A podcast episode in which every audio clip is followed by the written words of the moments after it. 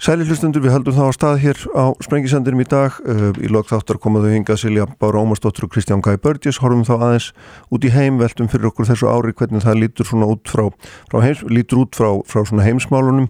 Ef sem að segja, uh, þau verða hér Halla Gunnarsdóttir, Bergur Ebbi Benediktsson og Friðjón Friðjónsson. Þá ætlum við að fjalla um þetta fjallum árið 2020 svona á innlendu vettfangi en ég ætla að byrja hér með, með góðum gesti Andra Snæ Magnarssoni rítuhundi. Já, já, velkomin til mín Andri Snær. Takk fyrir. Gott að fá þig hérna á þessum svona loka, í þessum loka þætti ársins við ætlum aðeins að horfa saman yfir 2020, þetta mjög sérkynlega ár og þegar maður er að skoða svona skoða álit manna þessu þá er það svona ímist hérna þetta árið sem við endurhugsum allt eða allt breytist eða ekkert breytist. Það er svona allur gangur og þú hérna þú gafst nút bók fyrir rúmu ári, einu halvu kannski tæflega já, um, þú tókst nú á við stærstu mál, sögunar í loslasmálin, hérna, veðrakerfin og hvað alltaf heitir, hlínunjarðar og, hérna, og söguna og guðum að vita hvað var ekki þar undir mena, hvernig finnst þér þetta árein að horfa við í, í þessum samvingi þá, þá spurði ég, ég man að ég var með setningu í fyrirleistunum í borgarleikusinu mm, bara, ef við sjáum þetta línur hvert súrnun sjávarstefnir já það stoppuðu það ekki það bara, það bara segja, hei, við ætlum ekki að fara þanga Já. við stoppum Já. og við sjáum samtímis línuritt yfir bláðunum jökla á sama tímaskala uh -huh. þá stoppuðu hann frekar Já. og við sjáum á sama tímaskala eðumerkumyndun og, og, og áhrif af sko, bara, hvað gerist þér einn gráða bætist við þar sem að þar sem að má ekkert bæta við einni gráðu uh -huh. upp á lífskýlirði manna bara viða í kringum miðbög og, og bara Afriku og, Índlandi og Íran og bara mjög víða heiminum þar sem bara, það er ekkert rými fyrir aðra gráðu. Uh -huh. þá stoppum við það ekki. Og svo kemur einhver lítil veira og, og við stoppum. Og allt finnst þessi stopptæki sem, já, já. sem var alltaf búin að segja væri ekki til. Það mátti svona, mátti svona byggja kerfið svona vinsanlegast um að hægja á sér. það væri ekki til í að kaupa svona svona, en, en það mátti ekki trubla neitt sko Nei. það mátti ekki stoppa neitt þú, Nei. þú ættir ekkit þú ættir fullan rétt á að fara með okkur fram á brún eða þess að við höfðum, já, já, já. við höfðum fullan rétt á að fara saman fram á brún Já, já, sko. akkurat, við vorum með það samveil ákvörðu og síðan finnst stopptækin og það var náttúrulega eins og þessi stærsta tilræðin mannkynnsjónar sem við erum að fara í gegnum mm -hmm. að ég átti að frumsýna heimildamind þarna bara strax 24. mars minnum mig, Já. sem náttúrulega varð ekki Nei. en við fórum að stað ég og Anni Ólafsdóttir sem að eh, gera myndina með mér Já.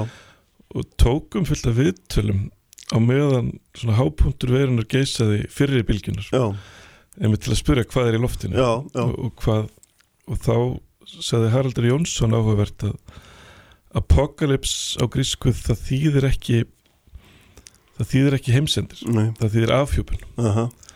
þannig að í rauninu var þetta ótrúlega merkileg afhjúpun já. sem átt sérst að já. núna síðastu bara já síðast árið sko. Já, já, nákvæmlega. Hvað finnst þér svona, ef þú horfir yfir þetta, hvað, hvað er það sem hefur umfram allt afhjúpast? Því maður sér þetta einmitt nota mikið að hérna að þessi veira hún hafi afhjúpað mannlega tilvist á svo margan hátt hvað finnst þið vera svona merkilegt eða merkilegast gefa orðað þannig? Það er svona stíð bara allt sko það er bara það skildi verið hægt að stoppa svona í rauninni án þess að ég held að þetta myndi riðlast allt miklu meira sko. þess að ég held að það er sko, það væri ósynleir þræðir sem bara myndi það er bara hungursn eða eitthvað staðar svona bara beinir, eða, svona, já, eða uppþótt eða eitthvað. Það var sko það sem mér finnst mjög áhugavert hvernig maður aðlagar sig. En núna get ég ekki ímynda mér hvernig heimurum var í fyrra ég get bara skroppið til Danmörkur á morgun. Ég bara, nei, ég bara nei, get ekki yfir það. Og maður er svo fljótur að bara leggja sínið vannæfni stjórnvalda í bandaríkjum svona hættuleg trend sem eru komin upp í sambandi við vantröst á stjórnvaldum með vísindum. Mm. það sem ég fannst afhjópast líka og einmitt endur spekla kannski lofslagsvandan var að jafnverð þegar faraldurinn geysað á Ítalíu þá gáttu yfirvöld í Breitland ekki ímynda sér að þau væri þar eftir tvær vikur. Nei, nei. og ég, ég man að sónum minn var í London og segi, mm. hvaða hysteri er þetta? Ég segi, kondu heim. Skilu, þú ætlar ekki að vera læstur inni í Breitland hvaða hysteri er þetta? Það, það er, það er engin að tala um þetta hér. Ég sé þó engin sé að tala um þetta. Já, það þýðir ekki að þetta sé ekki að fara að koma til nei, ég meina bara London er bara eðandi pestar bæli ef, ef veira kemur okkur með, með, með, með lestina sína og, og allt svona. Þannig að síðan afhjúpaða líka hva, hversu mikil umhverfis áhrif okkar eru. Þannig að þegar við heldum við værum ekki að reyfa okkur mm, þegar við heldum við værum bara stopp já, og við værum ekki til. Nei, nei, þú veist við bara heldum við værum ekki til Já, já, þá fór meðal losun samt bara eitthvað 18% niður eða eitthvað. Sem er alveg slatti sko, það er alveg, burður í því sko, já, já, en það fór bara 80% niður samt já, einmitt og var mjög snögt upp aftur, það var nú alveg bara nokkra vikum það ekki sem að, að svona verulega varð einhver jú, ég, veit, minnkun, ég, sko. ég, veit, ég nefnilega var ekki búin að sjá nýjustu gögnin hvernig Nei, svona nei. ársmiðaltali lítur. Nei, nei, einmitt En það er alveg rétt að þetta var svona þetta, þetta var svona þetta var eiginlega aðferðin sem umhverfisvendar sinnar vilja beita eða svona áhrifin Já. sem þeir hafa verið að sækjast eftir veru eins hérna undarlegt og það, þetta var blöytur hljómar sko. þannig sé sko. En, en auðvitað vill þetta enginn sko. Nei, nei, Eh, nei, nei. þannig að það vill enginn að, en, en þetta er, er, við getum sagt sko þetta er það, en, og, og það sem ég var að hugsa í samvætið umhverfis samingi var að ég held að vera allt crazy á mm. næsta ári sko. Eða þetta um leið og við erum laus og, og það var það sem nokkri sögðu í þessum viðtölum þetta verður í svona lítilli heimildamind sem við gerum já, Apocalypse. Eða heim-. Apocalypse. Og eða tídagra þetta er svona eins og Boccaccio þegar pláan geisa í Róm þá, þá kom fólk, nei ekki í Róm í Flórens þá, Mhm. þá komum við þarna þá komum við tíu manns saman og svo tíu sögur á tíu dögum. Og þetta er eitthvað svona, svona já, eitthvað svona sneiðmynd af því hvað fólk er að hugsa á þessum tíma. En, en margir töluðum að Roaring Twenties var að koma sko. Já, já, þarna, sem kom í kjölfarað heimstyrjöldinni og, og já, að það verið næsta ár sagt. Já, það er svona næstu tvö ár væri svona Roaring Twenties að fólk væri bara, en síðan En finnst gefur þá lítið fyrir svona þessar hugmyndir sem eru líka svo mikið að kreiki um það að þetta ár verði til þess að við endur skoðum ég veit ekki, mann kynni er svo stórt orð, ég ætla ekki að nota það einu sinni en svona sko, ég, fólk almennt orðuð þannig. Sko, ég, ég held reyndar, jú, það, það, það mun margt sitja eftir, sko. mm. en ég held að ég, ég, ef, ég, ef ég les Íslendinga þá held ég að, að eigin tæmist. Já, já, ef, ef við verum öll bólusett. Já það verður engin Íslendingur hérna í ágúst á næstari. Það verður bara engin Nei, það nei, verður með eitthvað starf annars staðar já, ég, ég get næstu því ég get næstu því bókað það sko. Það verður bara engin hér nei, heima. Það, það verður eitthvað útlendingur hérna Já, en við verðum eitthvað starf annars staðar sko. og þannig að, að, að, ég held það sko. En, Já, en, ég, en samt sem að sko það sem ég held að að og það sem að það sem gerist náttúrulega en síðan er náttúrulega umhverfismálin ekki að fara sko. Nei, nei, Að þau hafa alltaf verið í svona þau hafa verið í pásu, getur við ekki sagt? Það svona um, Jú, eða hvað svona, finnst þér? sko það náttúrulega hefur verið bara þessi bara fólk hefur náttúrulega forgangsraða þetta er bara brýna málið, bara að Já, lifa af Já, já, og vera til. En, en ég held að að það sem gerðist 2020, sumir held að við glærum ekkert og ekkert breytist og eitthvað svona. mm, það sem gerðist náttúrulega og fyrir okkur sem erum þú veist 45 til 46 eða, eða þú veist, veist það skiptir einhver máli í okkar lífi skilur, Nei, þú veist bara nei. eða 35 til 37 eða eitthvað. Já, þú veist, það bara það, eitt ár skiptir einhver máli en ert 12 til 13 já, já, 15 til 16 já, auk þess ertu loftslagsverkfallakrakki. Mhm, að þessi kynnslóð egnaðist sko stærstu metafóru allara tíma svona myndkverfingu eða tilvísunar pont þannig að, þannig að það sem gerðist og er endanlegt mm, er að heimurinn lifiði í saminlega reynslu og við sáum að hagkerfi okkar var mölvað, bara með sleggju. Bara ferðarþjónusta, bara með sleggjan já, ferðarþjónusta tónlistariðina kvikmyndiðina bara veitingahósabransan bara, bara allt var bara mölvað með sleggju Mhm. bara miskunni laust og bara þú er bara heim og bara Mhm. lokar, þú mátt ekki hafa opið mm, sem er alltaf bara eins og eitthvað svona mesta einræðis sko upplifin sem maður getur vitað þessi kynsluð sko fær síðan þennan tilvísunagrunn að þegar að síðan lofslags frettirnar fara að byrtast núna næstu skýslur að þá er þessi kynsluð spyr ok, hvað þarf að gera? Mm. þetta er alveglegt vegna þess að ég er fættur 2000 og ég er að leggja inn í eftirlinu sjóð já, og ég get ekki séð sko, hvaða heimur er árið 2070 nei, þegar ég er að fara að fá að borga hérna mín eftirlun Mm. ég er að fara í háskólan og ég er að skipulegja framtíðin mína 2070 það bara lítur ekkert vel út hérna nei, í þessum þa- þetta er ekki þetta er ekki þetta, við erum ekki að leggja fyrir mm. raunverulega fyrir mín eftirlaun sko. þú veist, ég með háskólan eru fullir af krökkum já, fættir árið 2000 já, þannig að þau munum spyrja hvað þarf að gera. Og þá vælir ykkur já það þarf að nota 5% af þjóðaframlegslu og þá bara, já það. En, hvað gerum við til þess að mæta koronavirunni já, já við rústum svona 20% og, og, og megum við faðma ömmu mína? Já, já já, þú mátt faðma ömmu þína. Má ég djamma, má ég fara í, má ég fara í hérna má ég fara í partísleik? Já já, alveg ekki máli já, má, má ég bara þvælast um Evrópu og, og leika mér? já, já já, þú mátt það alveg mm. má ég fara út að borða það, má ég, má ég bara þú veist, já þú mátt allt nema bara þú þurft að búa til eitthvað dót endur hanna orkukerfi og, Mm. og keira öðruvísi og kannski ferðast sjaldnar en ég má allavega kannski fara nokkur sinn til Lóðlanda, já hann bara ekki ekki hverja helgi sko. Og þannig að þannig að og borða minna kjött og svona og Mm. þannig að ég held að sko ég, ég gæti trúið að koronavirun hafi hraðað mikið í rauninni möguleikunum á breytingu að, að fólk sér það er vist hægt að breyta það, þeir eru búin að gera það sko. já, já, og, þarna, og, og ef þið eigðurlöðu hagkerfin á grundvelli vísinda, lækna vísinda mm. ætlið þá endur þess að hagkerfin e, í, og, og þverbrjóta önnur vísindi Mm lofslagsvísindi, Já, jöklafræði hafrannsóknir, Já. ætlið þið þá bara ekki lust á þessi vísindi en þið mölfuðu hagkerfi fyrir, fyrir læknavísindi mm og, og síðan bygguðu til Operation Lightspeed þannig að ljósraða aðgerina til þess að þróa bólefni. Já, ætlið ekki að setja svoleiðis verkefni í gang fyrir, fyrir sólarorku og, vindorku og, og, og einhverjar aðrar orkutegandir mm eða, eða samgöngur sko þessi kynnslóð sko mun síðan sjá hvernig afneitarar dóu úr kórnaverinu já, og segja ég ætla ekki að vera að deyja með þér úr lofslagsbreytingum af því að þú sást eitthvað helvitis YouTube-vídeó mm. sem, sem sagði þér að það væri ekki til. Það, bara, það, það er ekki málið sko. þannig að og síðan einmitt vanhefni stjórnvalda sem að brúðust ekki við mm. bara þeir sem að horfa á Ítalíu gátt ekki ímynda sér London er svona tveim ykkur síðan nei, nei, eða New York tveim ykkur síðar.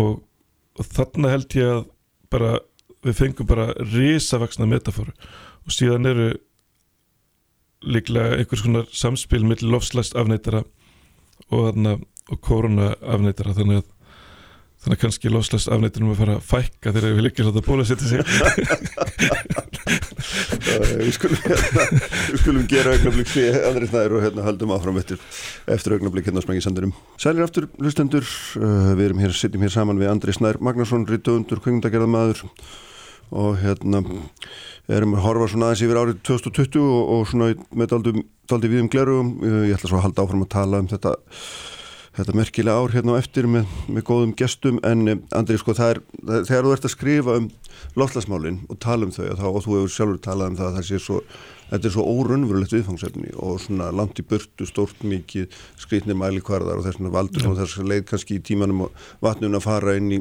persónlega sögu því þetta er, ég sá ekki haft eftir auðvitað tekið þessu persónlega sæður það er ekki annað hægt sko. Og, hérna, en, og, og þegar maður hugsa um þetta og svo, svo COVID þá svona, skilum maður kannski einmitt hérna hraðan við barnunum gegn koronaviruna og líka betur á móti er það ekki? Það er hvað meirinn svona seinir að fatta.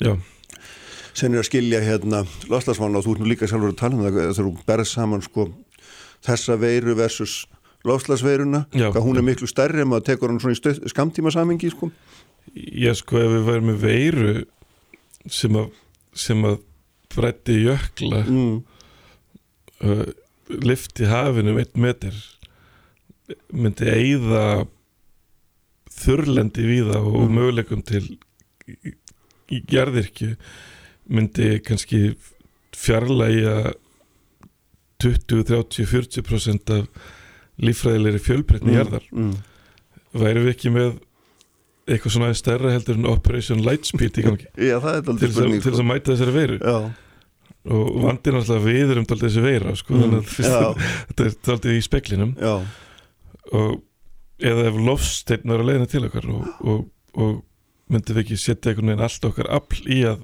að, að koma í veg fyrir og jáfnvel þó við vissum hann kemur 2070 mm, mm, værum við ekki bara að fulla undirbúa það. En, en síðan og, og mér sé að sko lofsteinin sem að útrýmdi risaðilunum er talin hafa sett um 600 gigatonn af CO2 upp í loftið. Það er það sem við setjum upp í loftið á 20 árum. Já, þannig að við erum bæði veiran og lofsteitin sko. og, og, og svo sjálfskoðun sem við þurfum að fara út í er sagt, þegar við, við finnum hvað stígum þungt til jarðar já, er, er, hefur tekið alveg tíma bara að fatta. Já, af því að veist, allar þessar myndkverjingur okkar er mitt þannig að eins, eins og ég manna þegar að einu uppáhald setningi mín í bók eftir Kurt Vonnegut var að í Sláturhús 5 hann var að tala um hann var að skrifa uh, ádela á stríð. Mm, og akkur skrifar ekki þarna, ádeilu á jökla. Mm, svaraði ykkur, svona kaltæðnislega já, vegna þess að alveg það verður alltaf jöklar það verður alltaf stríð. Já, og, og þar var myndkværingin hans það verður alltaf jöklar. Já, en bara, sorry, það verður ekkert alltaf jöklar. Nei, nei, nei, og, og þú veist þannig að við erum að upplifa bara eitthvað svona, eitthvað svona fast, óbreytilegt eilíft, eitthvað Mm. svona einmitt myndkværing fyrir eitthvað sem bara, mm, sem er handan Mm. okkar, mm, er núna bara að hopa undan okkur. Og, og það þýðir að við þurfum að breyta svo mörgu og, og sko og það sem ég talaði með er, er að þetta eru viðmiðaskipti. Við erum bara að upplifa stærstu viðmiðaskipti sem ég get eiginlega bara talið því ég held Mm. að jú, ég meina það er búið að berjast sósialisma, kapitalisma svona alls konar uh, feminisma MeToo-byltingu, jú, alls konar svona þannig að svona trúin hefur lækkað á stallinum og alls konar viðmiðaskipti sem kannski 20 söldin færir okkur og ríkisúttarp er ekki nema 90 ára gamalt. Mm. það, er, svona það er, við erum náttúrulega búin að upplifa alls konar breytingar á síðustu kannski 90-100 árum. já, en, en það sem er að gerast núna er að þegar að menn komast að því að, að það sem skapað okkur sem er rauninni þessi bruni mm, ólían, kólin, gasið er síðan það sem mun eigða okkur. Já, það sem lift okkur á þennan stað sem við erum. Mm. Mun síðan draga okkur niður. Svona bara, það, það má vilja líka svo við að eins og sé búið að skjóta okkur bara með eldflög og, og, og til þess að komast lengra áfram að þurfa að losa tankin undan okkur já, af því annars dreifur hann okkur bara niður aftur. Og, og við erum á þessari svona fárulegum stað við erum í lausi lofti og þurfum eiginlega að, að endur hann bara allan grunninn okkar. Mm, af því að eiginlega allt sem við erum er ólja bara allt sem við getum snert og allt sem við erum er útblástur og, og þetta er þetta er svo risa, risavaksi verkefni. Og það er reyndar skrítið að, að menn hafa reiknað út að sé bara 5% af þjóðaframleyslu sem það er til að mæta því. Já, en þó það væri 50% þá sko þá er ekki forsvaranlegt að að keira svona hratt fram að brúnni. Mm, mm, en vandin er sá að, að það er svo miklu auðveldara þegar eitthvað tekur völdin af manni eins og veira eða eitthvað. mm, og, og bara svona þannig að maður, maður er neittur til að stoppa. Og maður getur ekki annað að stoppa. Nei, nei, nei, og það er bara ekki annað hægt. Nei, nei, en, en, en bara þannig við loslasbreytingar byggir á vilja mm, og það er svo miklu erfiðara já, já, að vilja eitthvað. Já, og þegar, þegar Þórólur segir mér að fara ekki í bíó þá er ég ekki að segja Þórólur, þú ert eða ég bara veit ég að en, en ef hann ætlaði að banna mér að fara í bíó út af loslasbreytingum, Mm. ég verði ekkert svona það væri svona alls í mikill fílipóki þá sko. já, en, en, en við þurfum samt að fara en ég held samt sko að svona megnað því sem við veitur okkur ánægi í lífinu mm, er áfram mögulegt já, í, í baratu gegn loslasbreytingum mm, það, það er ekki eins umurlegt. Það, við þurfum ekki loka heila þjóðir inn í íbúðum nei, sínum nei, nei, yfir, yfir sumartíman með börnunum sínum. Nei, nei, það er ekki eins mikið zoom. Nei, blessunulega, blessunulega, þannig, þannig sko ég held, ég held að það sem fólk muni sjá núna er og líka það sem hefur náttúrulega gerst er að kapitalismin hefur riðlast. Mm, að allt í hennu byrstist eitthvað ríkisvald sem að bara prentar pening á fullu já. og ég held að þetta minna mikil áhrif á hagfræðikenningar. Já, og ég myndi að verið styrra það það nú þegar. Þetta er alveg að rugg, ég er eitthvað ekki búin að gramsa nú vel í þeim, það er fólk sem er búin að vera að horfa alveg Já, já. og, og svona kjamsa eiginlega á þessu tilvæg vegna þess að, vegna þess að Þetta er svona upprýsa vinstri sinnar að hagfræðinga getur maður satt aldrei já, eða, já, vinstri sinna sko, því að náttúrulega markaðan er ákveðið tæki sem mm. virkar ákveðin átt en, en, en, en á mótið hefur alltaf verið til þetta ríkisvald sem, sem að og, og síðan lög og reglur Já, varðandi almannaheill já, hafa oft látið undan út af já, bara lobbyism og þrýstingi og, og, og áhrifum já, svona stór, stóra eða svona stórkapitalista sem er kannski og jáfnvel á kostnað minni kapitalista eða svona þeir sem eru bara reyka ykkur já og það er náttúrulega bak við Trump er þetta það líka sko, litlu kapitalistanir hafa, verið svona í vörn og, Já, já, Og- og- já, en, en allavega þá þá byrtist allt í hennu ríkisvald og byrtist allt í hennu einhver möguleiki á að stýra hlutum í einhver átt sem hefur ekki mátt gera og hefur alveg verið bara alveg tabú mm. að, að nefna eitthvað sé bannað eða eitthvað sé sett í reglugerðir eða eitthvað, verið, eitthvað íþingjandi verið gert til þess að mæta ákveðin hlutum. Þannig að það er líka því að þú ert líka að nefna það á einhverjum stað, ég man ekki alveg hvar að hérna, eina stóru breytingum árin 2020 er að það, það er endurvaki tröst til stjórnmálamanna. Af því að þeir hérna, tóku skynsarlega málum, ég held að þetta sé í hérna í hérna Emergence Magazine þar sem þú ert í viðtalum minnir það en, en það sem er áhugavert í því er að, að, það að trösti skapaðist með því að þeir stígu tilbaka ekki satt og hérna svona Já. afsöluðu sér völdum í hendurnar á öðrum, það mæla svona segja það á, á Íslandi var, það- það með Já. þannig að þeir eru rauninni kannski það var, það var ekki Svandís sem var að banna okkur að fara í, í, í, út að borða sko. Nei, nei, og, og svona þannig að allavega í fyrstu bylgi þá var þetta svona það var svolítið léttir það var svona ekki pólitíst andrúsloft já og, og, og með þess að sigmundur var rólegur sko, í fyrstu bylginni og, þannig að það, það var ótrúlega léttir að það var svona förðulega léttir að vera með eitthvað svona mentað innveldi Já, já, sem að fólk Já. treysti sko, því að þetta er bara eins og ég tröst til læknist bara þú þurft að treysta um að svæfa þig. Já, já, kerðin á skurstofu og, og, og gramsi í hjartanu þínu já, það, það er náttúrulega þú bara afstælar þeir algjörlega bara já, allir, já, sem er kannski ekki holdt til lengri tíma. Mm, því ég, ég trúið ekki að það sé einmitt holdt til lengri tíma að afstælar sér allum völdum í hendur ykkur og, og, og leifa hann stjórna sér. En á mjög furðulegan hátt þá var það ótrúlega léttir. Svona í smástund að, að það væri eitthvað svona, svona föðurhönd eða móðurhönd þarna, já, þarna í þessu þríegi sem, að, sem bara leittu okkur í gegnum þetta. Og, og það tröst kannski bara einmitt eftir svona síðan bara frá hrunni kannski bara síðan stengur um Hermansson og fórstýraður að manni ekki eftir að, að það veri 70% tröst til einhvers sko, að, að svona út úr allir polariseringunni og öllum svona, svona þessum, þessari sjálfverku flokkadráttum sem hafa verið í gangi þá, þá var þetta svona, svona smá kvildartími bara svona, ha, já, ok, það er engin pólitík mér er bara ráðið hérna, hérna er bara einhverjum læknar sem stjórn okkur og, og, og, og, og banna okkur alls konar sem er leiðilegt en samt á undarlegan svona masokískan hatt svona gott að láta, láta hyrta sig af því við áttum að líka skilið já, eftir allt þannig að svona gamla kristnin í okkur og svona, svona við, við áttum skilið að fá svona smá okkur var í refsað fyrir syndir okkar. Smá hyrting Já, nákvæmlega það eru hérna, já, já, það má við að finna þær kenningar að mannkynni hafi átt þetta, átt þetta skili, en hvað svona ef við, ef við sumurum þetta upp svona bara í einhverju tvær, þrjá fjóra setningar hérna, svona mér heyrist á þér að þú sett svona, já, þokkala bjart hérna og við lærum eitthvað að þessu ári og getum nýtt okkur einmitt þessa svona þá vitnisku að við getum ef við horfum á loftlagsmálun einmitt, það sé hægt að, að hérna, fara hægar menn bara hérna, taka það ákvörðun.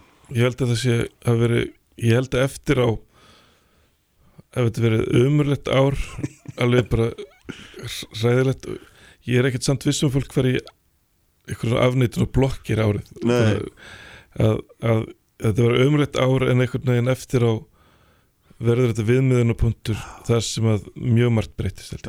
Ég, ég, ég trú ekki öðru. Og ef það gerist ekki þá erum við ótrúlega illa sett sko. Þa, það bara er þannig. Ef, að- ef að þetta var leksía, þetta var leiðileg leksía Já, en hún síndi okkur bara henda okkur inn einhvern hliðarveruleika og, og sem á sama tíma opnaði möguleika á alls konar veruleikum sem, að, sem að við þurfum að stíga inn í. Já, nákvæmlega Við sjáum hvernig þessu myndur öllu saman. Hérna, takk fyrir að koma Andri og það var hérna, eins og alltaf gaman og fróðilegt og hérna, fræðand að fá þig og hérna, ég ætla að halda áfram hér eftir ungnablík Halla Gunnarsdóttir verður hér Bergur Ebbi Benditsson og Friðjón R. Friðjónsson. Farið ekki langt. Sælir aftur hlustendur og velkominir hér aftur á Sprengisandin á þessum, þessum síðasta þætti ársins. Andri Snær Magnússon Ritthöfundur farinn frá mér eftir fróðlega yfirferðsson um hans. Hugmyndur um þetta skrítna ár 2020 Við ætlum að halda áfram að sjálfsögða að tala um það hérna innanlandsvettvangi og tölum svo um það í á ellendu vettvangi aðeins í lok þáttarverðið Silja Bára Ómarsdóttur og Kristján Gæ Bördi sjá mér en hér eru sest núna Fríðjón Fríðjónsson sem er frangandastjóri og almanatengil svo ég hafi þetta nú rétt Fríðjón særlega blessaður og velkomin góður gestur hér Marksinis Bergur Eppi Sumleis Bendinsson sem er réttuhundur og fyrirlesari og hérna svo er þetta Halla Gunnarsdóttir sem er frangandastjóri Alþjóði Sambands Íslands. Er það ekki rétt með farið svo ég hafi nú alla titla á reynu Já, heyrðu, verið allt velkomin og gott að fá ykkur. Og hérna við ætlum aðeins að kíkja saman í, eða horfa saman til, eh, hérna yfir þetta ár 2020 sem að sumi segja sem nú skrýtnasta ár síðar í tíma og aðri líta á sem einhvers konar vatnaskiluminni endur skoða, hérna breyta öllum hugsunagangi og og hérna og, og, og bjóða okkur upp á tækifæri til þess að endur skapa okkur sjálf og samfélag. Hvernig, hvernig horfir þetta við ykkur? Þetta, var þetta fyrst og fremst þreytulegt og leðilegt og hérna menn vilja glemma þessu eða, eða er þetta eitthvað ár sem að svona mun hafa einhver varalega áfrið, Halla, viltu byrja? ég held að þetta ármunni hafa varanlega áhrif. Það er auðvitað breytt svona heimsmynd okkar að einhverju leiti um, og ég held að við munum svona minn, þetta er, munum minnast þessi árs meðal annars svona sem árs innviðana Já, ég held hérna Íslandi hafi reynd á eiginlega bara næstuði alla innviði.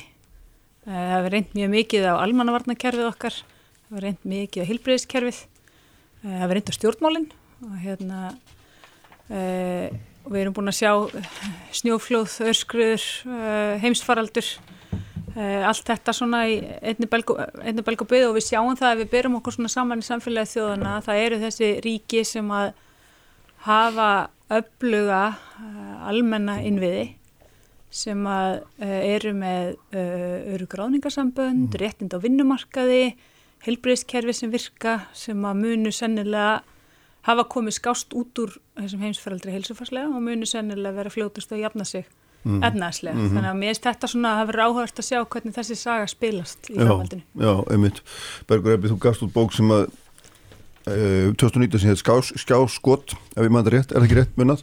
Og þarna hversu mikið hversu ólíkt væri skjáskot nútímans bara þessu árskamla Mhm. skjáskotiðinu Já, sko, ég tek undir með höllu, ég held að hérna, þetta var alls ekki liðin þetta ár. Og ég hérna, vil me- meina að það hafi einmitt liðið mjög hratt. Já, en það er náttúrulega bara einhver svona tilfinning sem hann hefur. En mér finnst hraði hafa enginn þetta ár. Mm. og þær breytingar sem eru þá hugsanlega til frambúðar uh, hafa svolítið að gera með það að ýmsar tæknibreytingar síðustu ára sem ég fjallaði meðal annars um í þessari bók hana, og annari bók sem ég hef skrifað það hefur hraðast á þeim. Mm. og þetta eru þessar breytingar sem við tengjum oft við fjórðu innbyltinguna og þetta er meðal annars uh, það er margt náttúrulega jákvætt í þessu þetta er sjálfvirknivæðing og, en þetta hefur náttúrulega áhrif á, á störfun okkar. Og þetta er upprýsa gerfigreindar og, og svona aukina tæknivæðingar og hvernig hún kemur inn í, inn í líf okkar.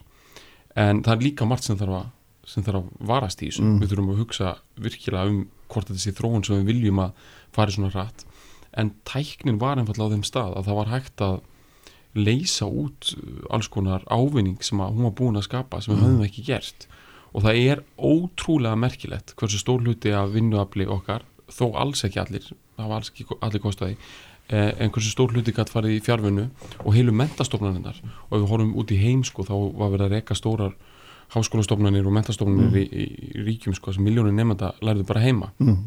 og við vitum við að þetta er uh, bara tímabundi ástand þar sem þú getur algjörlega fært þetta svona yfir. En þetta auðvitað breytir þetta sín okkar á hvað tæknin getur gert og líka bara hvernig við sjáum heiminn og, og fræðumst og eigum samskipt við hvert annað. Já, og þetta tengist þessum breytingum sem hafa átt sér stað uh, sko undarfærin ár en þetta var svona ákveðin hröðun á því. Það var svona hraðall mm -hmm. ár hraðalsins Mm Já, Hvað, hvernig lítur þú á þetta Fríðan?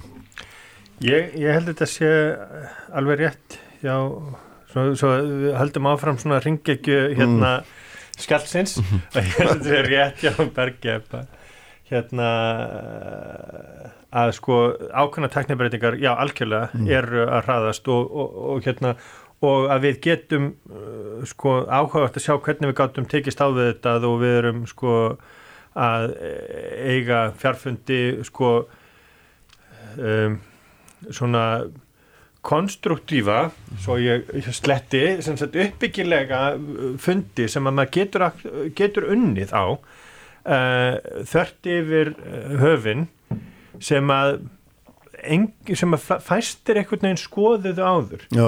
þannig að ég segi bara í mínu tilviki ég á viðskiptöfinni sem eru begja vegna allansála og það kom fyrir að við hittumst nokkru snum ári og tókum einhverja svona langa fundi það er alveg farið núna mm. uh, við munum halda þessu áfram núna hittust við bara vikulega á mm. Teams og, eða Zoom og fundum þannig Já. og það, er, það, eru, sko, það eru alvöru fundir mm. það sé ekki bara svona spjallfundir sem svo 80% af öllum fundum sem maður lendur síðan á er heldur sko þannig að þessar breytingar en, en hins vegar held ég að við ættum að fara varlega í því að sko að, að segja að þetta er allt saman varlega breytt og við förum mm. uh, sko hérna uh, ráðstefnur og vinnuferðir og allt saman leggjast af því að ég á sama tíma þegar ég tala við þessa hérna uh, þetta fólk sem er búið að vera sko hefur ekki farið á skrifstofuna síðan í februar og mars mm -hmm. því þannig er ástandið í, í hérna, Breitlandi og þannig er ástandið í Bandaríkanum að hérna að þau dreymir um það að komast í kontakt við fólk mm. að vera, fara aftur á ráðstöfnu, fara aftur og hitta fólk í vinnunni mm. og vera innan um fólk því að við erum þannig félagsverður uh -huh. að við verðum að vera innan um fólk þannig að það sko við erum ekki það er ekki búið að breyta ströymi hérna árinar já, farvegi árinar til, eitthvað til sko hérna langtíma heldur munum við leita aftur í það að vilja vera innan um fólk og fara aftur og ferðast mm. og mhm. svo framvegi sko þannig að hérna þannig að jú við erum, við erum að sjá þarna á hverjum tækifæri og, og, og margt sem að sko, ég held að fyrirtæki sem að hafa sko áður verið með sapna saman eins og í þjónustu verum og svoleiðis. Þau geta bara sko hérna útvista því til fólk sem að getur hérna sem að vill vinna kannski heimi á sér og vill detta inn og út úr, úr, úr ekkur verkefni, þetta er kannski ekki eitthvað sem að Halla vill hlusta á. Hva, Hvað er að vinnuveitandin býður fólki ekki upp á að koma tilbaka? Ég er að tala um svo stóru Það er mjög áhugavert. Það er líka mjög áhugavert Þið eru bara, þið bara haldið áfram að svara. Einn nágranni minn er, er að vinna í þjónustuveri og hérna er svona ekki þjónustu verið en í svona þjónustu og en hún bara vinnur heima þessu. En þetta hafa náttúrulega gert mjög lengi þá hétt þetta bara útvist þessu til Indlands, þetta er náttúrulega í sjálfu sér ekki döður í sír. Já, já.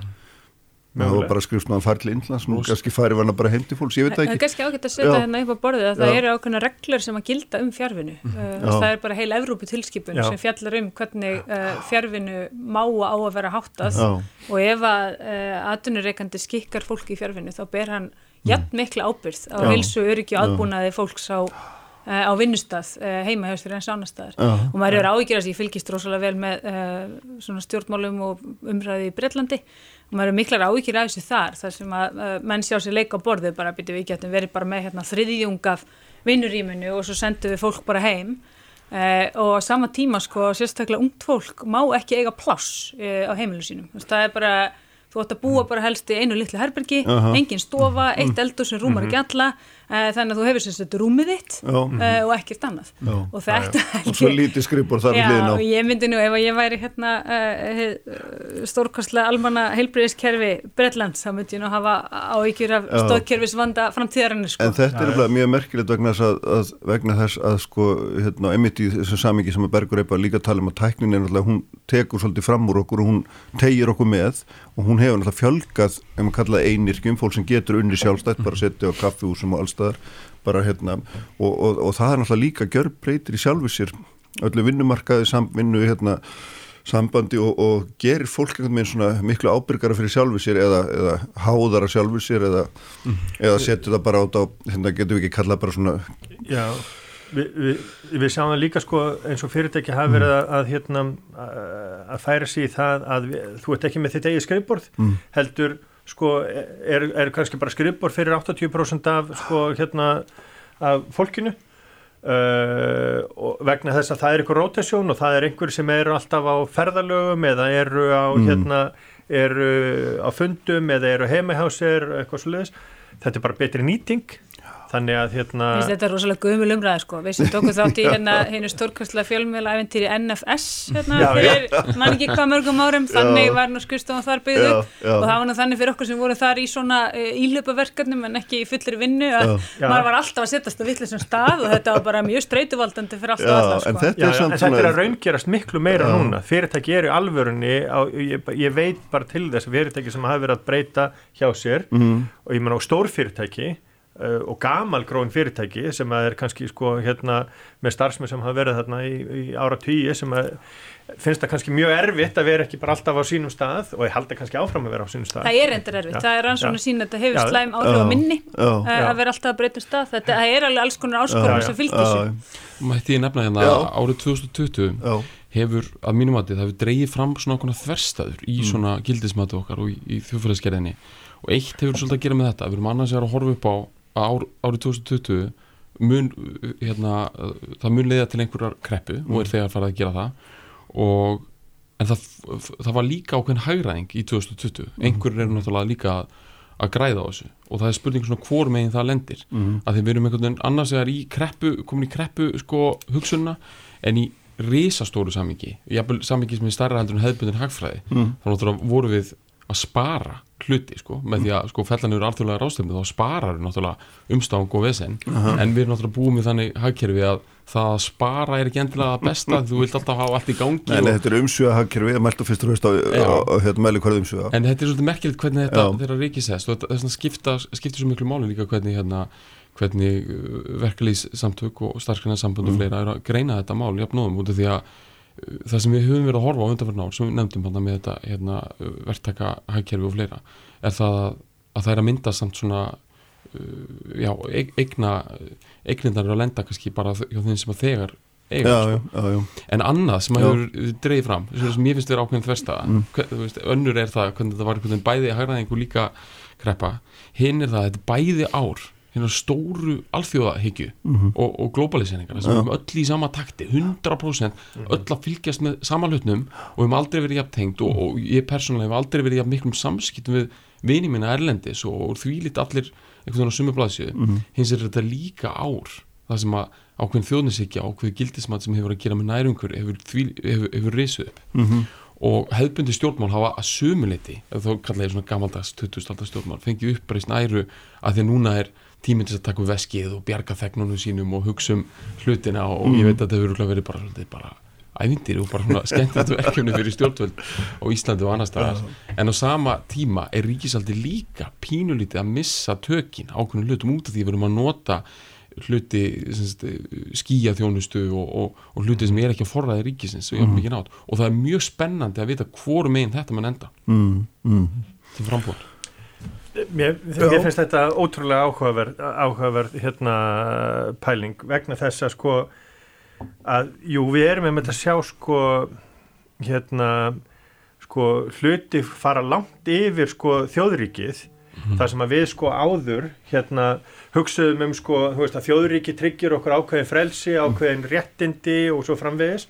Núna eru sko þessi alþjóðlegu hérna alþjóðlega fjölmila fyrirtæki sem maður má segja eins og Facebook mm -hmm. og, og allar þessar skíaþjónustöður og svo framvegi sem eru langt fyrir utan þjóðrikið mm -hmm. uh, hvar höfum við svona hvar höfum við leið til þessa að hérna, ég ætla ekki að segja að koma böndum á því, á það en svona að láta það samsvara sko okkar hagsmunum því að mm -hmm. við erum hvað, við erum 350.000 manna markaður hérna í, út á, út á hérna Ballarhafi um hérna, öll heimil á Íslandi líku við eru komið með Netflix mm -hmm. uh, annarkvært heimili með sko, hérna, HBO eða Hulu og svo framvegis fjölmiðlaneistlan er farin að vera bara sko, hérna, ná yfir allan heiminn, bara það sem allir eru að neyta sömu þáttana, mm -hmm. sömu hérna, fá sömu mm -hmm. menningar upplifunina og á, á sama tíma og þú segir, þá er ákveðin upprist þjóðrikisins mhm og við sjáum það bara núna það sem er gerast í Breitlandi það sem að þeir eru sko eftir að út af því að þeir eru út úr Evropasamstarfnu þá eru þeir aðeins á undan í bóluefnis hérna að útvöga mm. bóluefni og, hérna, og, og eru byrjaðir að bólusetja fleiri einstaklinga og fleiri hérna, mm. fleira fólk uh, á undan uh, Evrópusambandun og undan eða öllum hinnum þannig að sko hérna, þetta er óbáðslega áhugaverð hérna, pæling og sérstaklega fyrir mig sem er hægri maður mm. hvar þjóðrikið og alþjóða hérna, stopnannar allt saman sko raðast saman í þessu hérna í þessu svona pólitiska og þjóðfélagslega samingi. Mm. Mér finnst þetta bara, mér finnst þetta stóra spurningin fyrir mm. okkur hægri menn, sérst, sko sérstaklega og ég náttúrulega er bara svo sjálfkverfur og ég horfi bara á, horfi bara á þetta þannig að hérna Já, við skulum lega halla þess að komast af þetta hérna svipaða pælingar og líka aðeins kannski líka halla sko, hvað verður um þína skjólstæðinga í öllu þessu umróti, það er líka áhugavert. Já, um það er mjög áhugavert mm. og það, það fer alveg opuslega eftir því uh, það er náttúrulega fer eftir auðvitað hvernig bólöfni gengur og hvernig heimur lopnast sko, það fer náttúrulega nummer eitt eftir því en það fer líka rosalega eftir því hvernig við vinnum úr mm -hmm. uh, kreppunni mm. og uh, þú veist það er hægt að fara mjög marga leiðir í því uh, og maður er svona vonast til þess að árið 2020 þessi árið sem við kvöttum hérna svona hagfræði heimilsbókaldsins uh, og fórum að skilja hagfræði á gamlan og nýjan hátt upp og mhm. nýtt og svona hlutur skríkisins uh, í því að uh, viðhald efnarslífun og svo framvegs. Þannig að fer svo litið eftir því uh, hvert við beinum þessum fjármunum sem við erum að setja út í hagkerfið, hvort við stöndum verðum afkomu öryggið ekki, mm. því að ef við stöndum ekki verðum afkomu öryggi, mm.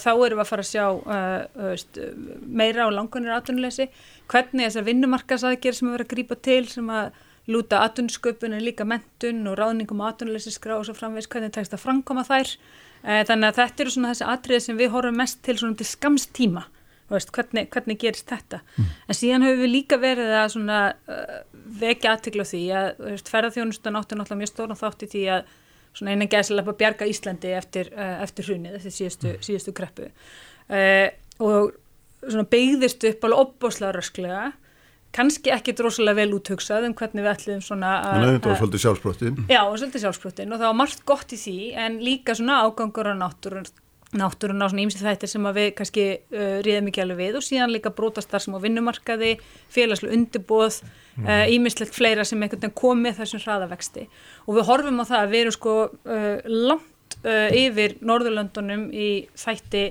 ferðarþjónustu í verkri landsfræmjörsli, við erum að pari við Gríkland, Portugal, þú veist mm. þessu lönd sko uh, og þess vegna er kreppan að hitta okkur svona illa fyrir. Þannig að við erum líka svolítið að segja, betur, hvernig ætlum við hvernig ætlum við að byggja þetta upp já, aftur? Já, já. Veist, get, að því að nú erum við raunin að fá tækifæri það er alltaf hold, það er alltaf pásu bara hvernig ætlum við að ætlum við að hafa jafnstórt aftur eða ekki, ætlum við að fara ykkur aðra leið? Það er auðvitað svona og það, það sama á við um svona önnur störf sem að uh, rinja tengd ferðarþjónustu sem að náttúrulega flesta af þessum störfum eru. Hvernig ætlum við að byggja þetta upp að nýju Já, en þarna kemur nú hérna, framtíðaspekla til nokkar góður góðið þarna velinni hvernig, hvernig ertu að horfa á þetta? Náttúrulega Ísland hefur ekki kannski alltaf nýtt tækifærin þegar það kemur hrund þess að byggja upp til einhverja langtíma henni að sjálfsögðu þá, hérna, þá held ég að það munir náttúrulega líka gerast að einhverju leita á náttúrulega nátt Já. fólk verður líka heft, eftirspunnin og, og, og, og hérna í varandi ferðalögu og fleira verður og glæðins öðruvísi, eðlilega tímandi breytast og, og er ekki alltaf verið að tala um þetta í svona kannski að vera gæðum frá magn og, jú, jú, jú. og hérna það komi náttúrulega ótrúlega mikið reynsla og stundu þarf bara svona aðeins að anda í þú veist að nú komið tíu ára reynsla af, af, af ferðarþjónustu í þessum mæli og kannski þarf bara þetta andatak fyrir öll þessi fyrirtæki aðeins að mm. endur skipulegja sig og hugsa hvað þau vilja gera og einhverju, mm. einhverju heldast úr lestinni eins og oh, oh. En, en það hefur alltaf verið talað um það að það hafi Uh, hafa alltaf stað fyrir þrjöðum þessi, þessi samþætting í ferðarþjónustunni og hún er náttúrulega varðað einhverju leiti en með til fjárfestinga og, og svo leiðis að, að ferðarþjónustunna hafa alltaf verið svona eins og sjávarútvöðurum að kannski rétt ára kvotakerri kom hann upp á 1980 sko. Hvort sem það er gott eða ekki sko mm, þegar þessi mm samþætting verður. En það er náttúrulega eðlilega eftir þessi samþættingin er meira og eignarhaldi leiðis því meiri getur framtíða síni meiri. Mm -hmm. en ég vona að þetta verður nú bara einhver, einhver blanda af þessu Já, auðvitað Er, sko það er hérna alltaf aftur um þetta, ég menna þeir svona ykkar álíktun er svo að þeir sem að hafa haft binst fyrir þeir hafa farið vest út úr og þessum tímum ekki satt, er ekki svona Jú, við höfum verið að greina svolítið vel, Þannig það er svona einn af, eitt af megin enginum 2020, er það ekki að við erum að sjá breyðara bíl á milli Jú, reyndar er það þannig, sko, heimsvísu að heimsfaraldrar leiða alltaf til aukins ójöfnunar, mm. það, það, það er þannig en það mm. sem við, og við höfum verið að greina mjög vel og fylgjast vel með svona þróun aðtunuleysis uh, þróin í uh, samdrætti á launum, við erum að byrja það saman hrunið, til að reyna átt okkur á hverju staðan núna og hvaða aðgerðir passa við þennan mm. veruleika sem við, sem við erum í núna og við sjáum það að til dæmis útlendingar á vinnumarkaðir að fara mjög illa uh, út úr þessari kreppu uh, og atvinni þátt að útlendinga á Íslandi er sko herri en á öllum hinn á Norrlandunum og herri en, mm. en Íslendinga setja þetta allt svona hennan gerðslappa mm. en aðfluttra er herri en, en, en þeirra sem hafa alveg og búið hér. Og það er mjög merkilegt en við sjáum að þessi hópur eru að taka mjög þungtök mm. við sjáum þessu hópa ekki poppa upp ennþá í ymsum uh, þáttum sem verður mjög sterkir strax eftir hrunið eins og skuldavanda og annað slíkt og mér finnst, og ég ætla nú að segja þetta svona ánsma ábyrðar en þetta er svona sem ég voru að melda með mér sko, að hrunni var svolítið hrunni náttúrulega kom illa við alla og alveg hræðilega marga þjóðfélagsópa en það voru margir í hruninu sem mistu eitthvað sem þeir áttu mm. veist, þeir mistu hérna Uh, sérst, sá lánin sín rjúku mistu, uh, spartnaverð heim, en þetta, þess, í þessari kreppu held ég sé svolítið margir að missa það sem þeir ekki eiga. Það er að segja tekjur framtíðarinnar þú veist lífsviði var í morgundagsins mm -hmm og þetta, svona, og þetta er óbúslega einföldun, hann er sett fyrirvara við þetta en þetta er samt umvöksunarefni fyrir okkur. Já, já. þetta skiptir líka máli upp á þar svona 20.000 mann sem að myndu passa í þessa lýsingun okkur inn Já, en skiptir líka miklu máli upp á þann félagslega óróleika sem að þetta veldur og, mm. en líka hvernig aðgerðirnar eiga að vera hannar mm. Við höfum tækifæri núna til þess að þroska sem samfélag. Eitt sem að, að því að hallanefnir með hérna, fólk á verðlendum uppruna sem hefur synt rosalega miklum störfum hér genið tíðina þegar það hefur árað, hérna það hefur gengið illa fram að þessu, þá hefur fólk miklu leiti bara flutt aftur úr landi og eld einhverju vinnu annar staðar. Núna kannski er það ekki tilfellið Nei. og þá er núna komin tíminn fyrir okkur að vera samfélag þar sem fólk getur búið á þess að sinna bara mestu lálænustörunum og, og, og fólki sem er búið að koma að hinga það geti fara að sinna skapandi störfum mm og, og og integrerast þannig meira inn í samfélagið okkar. Ég held að það sé ótrúlega mikilvægt að við séum svona að við sko, ég held við getum þroska svakala mikið núna þegar að, þegar mm. þetta, þegar að í rauninni svolítið mikið af fólki hefur tíma til að hugsa um eitthvað annað heldur um bara uh, bröðstritið. Já, hvernig svona uh, fríðanum aðeins hérna, sko það er kostningar framöndan, hvaða mm. áhrifin það hafa á, á alla þessar, þessar pælingar og hérna, hugmyndur um breytingar og, og þess það, hvað heldur við nú sér maður að svona, ég myndi segja svona að veri nokkuð klár þráður í vinstri minn er að þjá sér saman og þeir eru að reyna að íta þínum flokki, sástæðarflokknum til hliðar uh, hérna, einangran með miðflokknum, það er svona einhver strategi greinlega, hvernig horfður þú á þetta í líf? Þetta er ekkert, nýtt í, í því að, hérna, að, að vinstri flokkanir tala þannig að hérna, þeir alltaf einangra sástæðarflokkin uh, uh, þannig að hérna, það svo sem er ekkert nýtt, ég held hins vegar sko, ég Ég held að, að, að hérna, næsta ár pólitist snúist bara um störf mm. og snúist bara um það að, hérna, að reyna að koma hlutunum að stað aftur því sko, ég held að það verði einmitt ekki vegna þess að við erum að fara beintin í kostningaár þá verði þetta ekki ár hinnar hérna, íhugunar og, og það að við séum svona að taka hlutunum rólega og, og svo framvegis vegna þess að hérna að uh, sko útgjöld ríkisins á næsta ári hérna, eða sem tekjur ríkisins á næsta ári rétt, eða hvað eru 60-70% af hérna útgjöldum. Þannig að sko hérna, gatið í bókaldinu er svo svakalegt að ég held að hérna að, að stjórnmálumenn munur hreinlega ekki standast það að segja, heyrðu, við, við ætlum ekki að fara hérna af stað alveg á fullu. Við ætlum bara, heldur við munið bara leið og, og sko flugveldina byrja að lenda. Þá bara back to mhm. business. Mhm. hérna, við þurfum bara að drífa þessa hérna, hagvustin áfram og keira mhm. þetta áfram og koma fólk í vinnu og svo framvegis. og, og vaksa út kreppunni. En verður eitthvað, gert eitthvað spennandi? Byggða brýrið eitthvað? Verður eitthvað svona frakkari rósveld stemning? Ég er alltaf að byggja til þessu sko. já, það er alltaf verið að tala um þetta. Já, ég byggja til sundabrúni sko. þannig að hérna hvernig lítið þið á þetta þessa, þetta ár, kostninga ár mun það hafa einhver áhrif eins og fríðinu nefna verður til þess að við förum bara í svipafar eða eða gefst okkur þetta íhugunar tækifæri Já, náttúrulega hættu við að samfélagið þetta er svolítið í gýrin sko, en það sem að um, það er svolítið áhugavert sem það þarf að hugsa núna, sem er að uh, svona hagfræðingar og hagsögufræðingar uh, út í heimi hafa verið að segja árið 2008 skipti ekki máli en árið 2010 skipti máli mm -hmm. af því að mm -hmm. þá var ákveðið hvað er gert í skuldinnar uh -huh.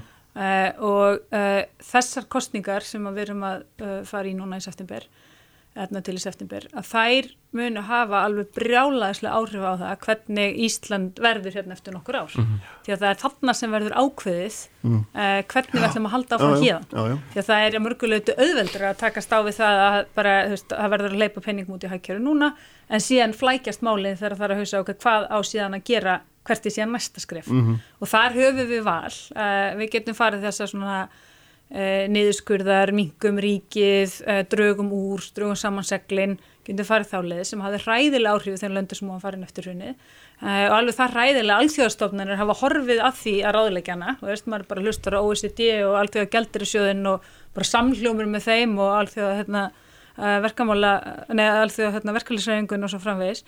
Eða, eða við getum farið að þessa leið að nýta áfram ríkisfjármálinn til þess að byggja etnarskerfið mm. og samfélagið upp eins og við viljum hafa það mm. og þetta, þú veist, um þetta Já. finnst með kostningarna eigi snúast, -hmm. það er mjög öruglega snúast um eitthvað allt annað, það verður öruglega einhver orkupakki eða hælisleitendur eða eitthvað sem tómast upp, en það er ábyrð okkar allra sem að höfum svona mikrofóna og komum að svona umræðum að bara kostningarna snúist um það sem skiptir okkur máli sem samfélag til framtíðar. Mm -hmm. En þá verðum við líka verið tilbúin í það að einmitt að sko ekki bara horfa á ríkið, heldur líka horfa það hvað við getum gert í að auka fjárfestingu hérna og vera tilbúin til þess aðeins að svona vera hérna mm. Opnari á það. Opnari á hvað? Á, á fjárfestingu á Íslandi, verkefni, hverju sem er, líku við.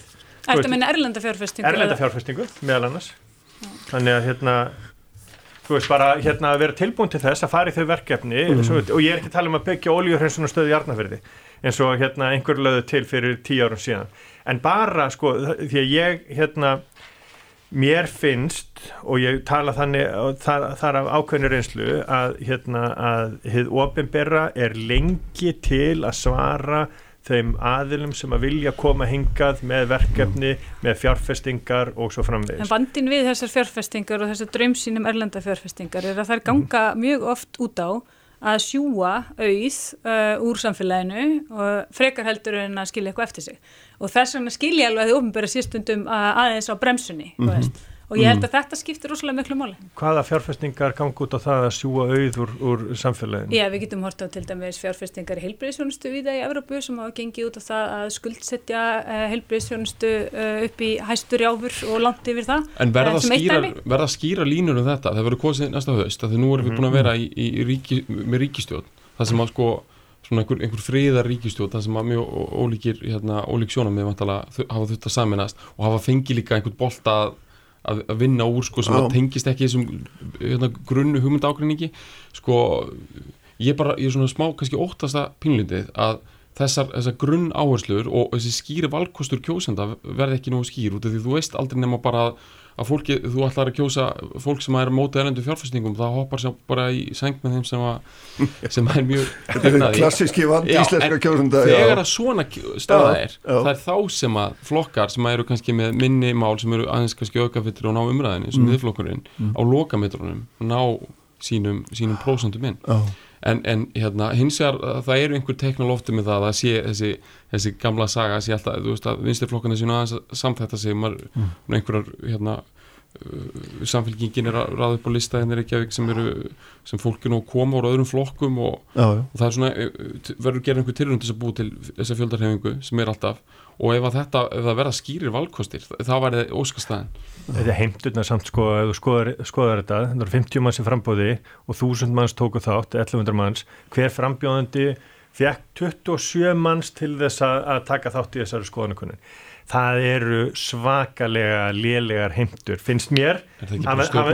Hafandi hort upp á sko fleiri en sko fleiri en fimm eh, heimdallarfundi, mm. þar sem að meir en þúsund manns mætti á staðin sko. Herri, við erum alveg álokið hérna, þessu, en ég held að þetta verið spennandi árframöndan og hérna, við getum svo hérna, skiptumst og skoðan það í lók næsta árs hvort við höfum lært eitthvað að hrunnu 2020 ekki í Fríður og Bergureppi og hérna, Halla þakka ykkur allir fyrir að koma. Það er verið þetta hjá mér Silja Bára, Ómarsdóttir og Kristján Gæi Bördi svo ætlum að þess að líti út í heim eftir smástund. Já, sælir eftir hlustundur, uh, þau eru farin frá mér Bergureppi Benditsson, Halla Gunnarsdóttir og Fríðjón Fríðjónsson eftir hér. Svona fróðlega yfirreyðum um innlenda þátt, þáttin í þessum þessum loka þætti ásins 2020 nú ætlum við aðeins að líta út í heim. Þau eru hérna hjá mér Silja Bára Ómarsdóttir og Kristján Gæi Börgis verið velkomin bæði. Takk fyrir. Góðir og tíðir gestir svona í gegnum, gegnum árin. Hérna Uh, ég veit ekki það er hvar mann á að byrja, hvað er svona ég var að reyna að komast hjá því að nefna orðið Trump. Já. en það er nú eiginlega valla hægt.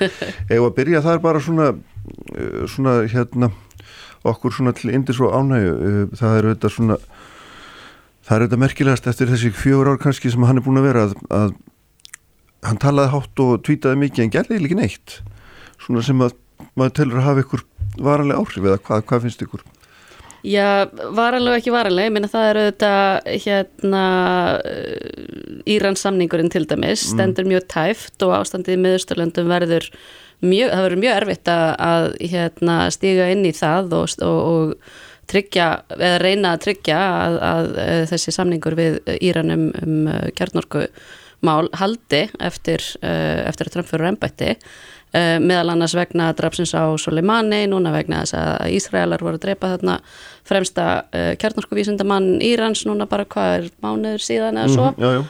Og uh, ég minna og þetta eru þetta beina arfleið af því það er líka þessir Abraham samningar sem að tengdasónur hann stóð fyrir já. samningarnir, friðarsamningar við Ísraels við uh, hérna uh, Eh, Saminuð Arabísku fyrstadæmin, eh, Marokko, eh, Bahrein og Sútan, ég minna til dæmis að með því að það er raun og verið að kaupa Marokko inn í friðarsamninga við, við Ísrael að þá e, brjóta bandaríkin e, blað og, og í raun veru viðkjanna yfir að Marokko yfir Vestu Sahara mm. þetta býður bara upp á átök þarna á því svæði á, á næstunni þannig að það er ímislegt e, sem að, að mun lifa eftir uh, hérna, eftir að Trump fyrir ennbætti sem verða virkilega erfið viðfangsefni ekki bara fyrir mm. bandaríkin heldur fyrir allþjóða samfélagið uh -huh. þannig að áhrifans verða uh, held ég varanleg og síðan auðvitað Já, sem betur fer þá hérna, hefur Biden líst því yfir að, að hann muni stíga fast og örglega inn í framlengingu á New Start, kjarnorku samningnum við, við Rúsland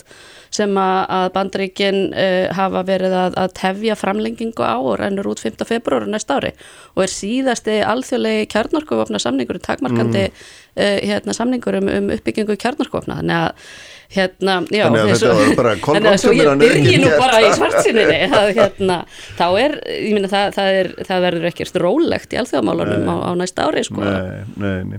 En Trump-ismin sjálfur, er hann er hann hverjanda kveli? Að því það voru nú mikið talað um það kringum kostningarna hann myndi lifa mjög stert óháð úslitunum Hvað... Sko það er, það er frekar erfið spurning og ég, hérna, og ég held að ættum að vonast það að þegar við hittumst hérna að árið mm. að, að, þá verði Trump ekki mjög fyrirferðað mikill í, í okkar, okkar vitund og kannski komin eitthvað annað mm. en, en þess að kostningar í byrjun november það er marka alveg gríðarlega þáttaskil í því að nú eru bandaríkinn komin tilbaka inn í einhvers konar alþjóðarsamfélag að, að öryggi heimsins og, og, og, og þess áttar mál séu aftur orðin mál fyrir bandaríkinn og bæten stígut aldrei fastinn þar þannig að það verða, það verða mjög mikil þáttaskil þar og eitna, eins og Silja bara lýsi þá, er, þá eru vandamálin uh, töluverk töluver mm. til að takast á við mm. en uh, en Trumpismin sjálfur sko, við erum að við verðum vel að sjá núna sko, að því að Trumpismin kemur ofan í, ofan í COVID og við erum að tala um kannski fimm ára bylgu núna af, eðna, af ykkur skonar þjóðurnispopulisma eðna, heimóttastefnu og svo framvegis og spurningin er var það frávik mm. er það trend og, eh, og við verðum eiginlega að sjá það. Það eru 80 miljón bandaríkjaman sem að stíga fram og kjósa það burt. Mm -hmm. Það var aldrei fleiri kósi fósettan heldur en, heldur en akkurat núna. Uh, á sama tíma og Trump kom 70 fram 70 eitthvað miljónir sem vildu halda því áfram á móti, getur maður sagt. Jú, jú, jú það má alveg segja ja, það. og, og við skorum tvö á móti Danmörku en þeir 14 þannig að við getum alveg hérna, leikja okkur með þetta.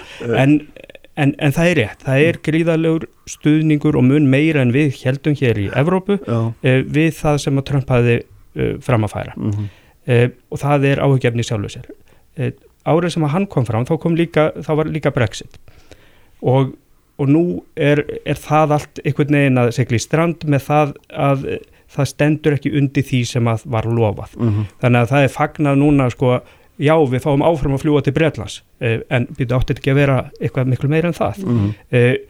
og, og breytar fagnar gríðarlega nýjum samningi við, við, við færiðar og hérna en þeir eru að skilja við sín stæsta marka uh -huh. þannig, að, þannig að eru við að sjá e, þessi fjögur, fimm ár mhm. -huh. sem, sem frávik frá, uh, frá trendi eða hvernig heldur þetta áfram og COVID kemur síðan inn í það og það er Já. svolítið gaman að pæli því. Já, akkurat nákvæmlega, það er auðvitað hérna, þetta árið náttúrulega svo sérstat og einmitt fyrir það að hérna, heimsakirfin alltaf bara stöðvaðist í raun og veru og hérna og allt fór á kvolf getur við sagt og, og, og hérna en, en það hafði ekki svona það hafði verið áhrif í bandringanum á Breitlandi verður maður að segja en ég skild svona á, á rannsóknum að það hefði ekki haft mikil áhrif á aðra populista í Európu þeir hafi bara silt áfram bara mjög svipað.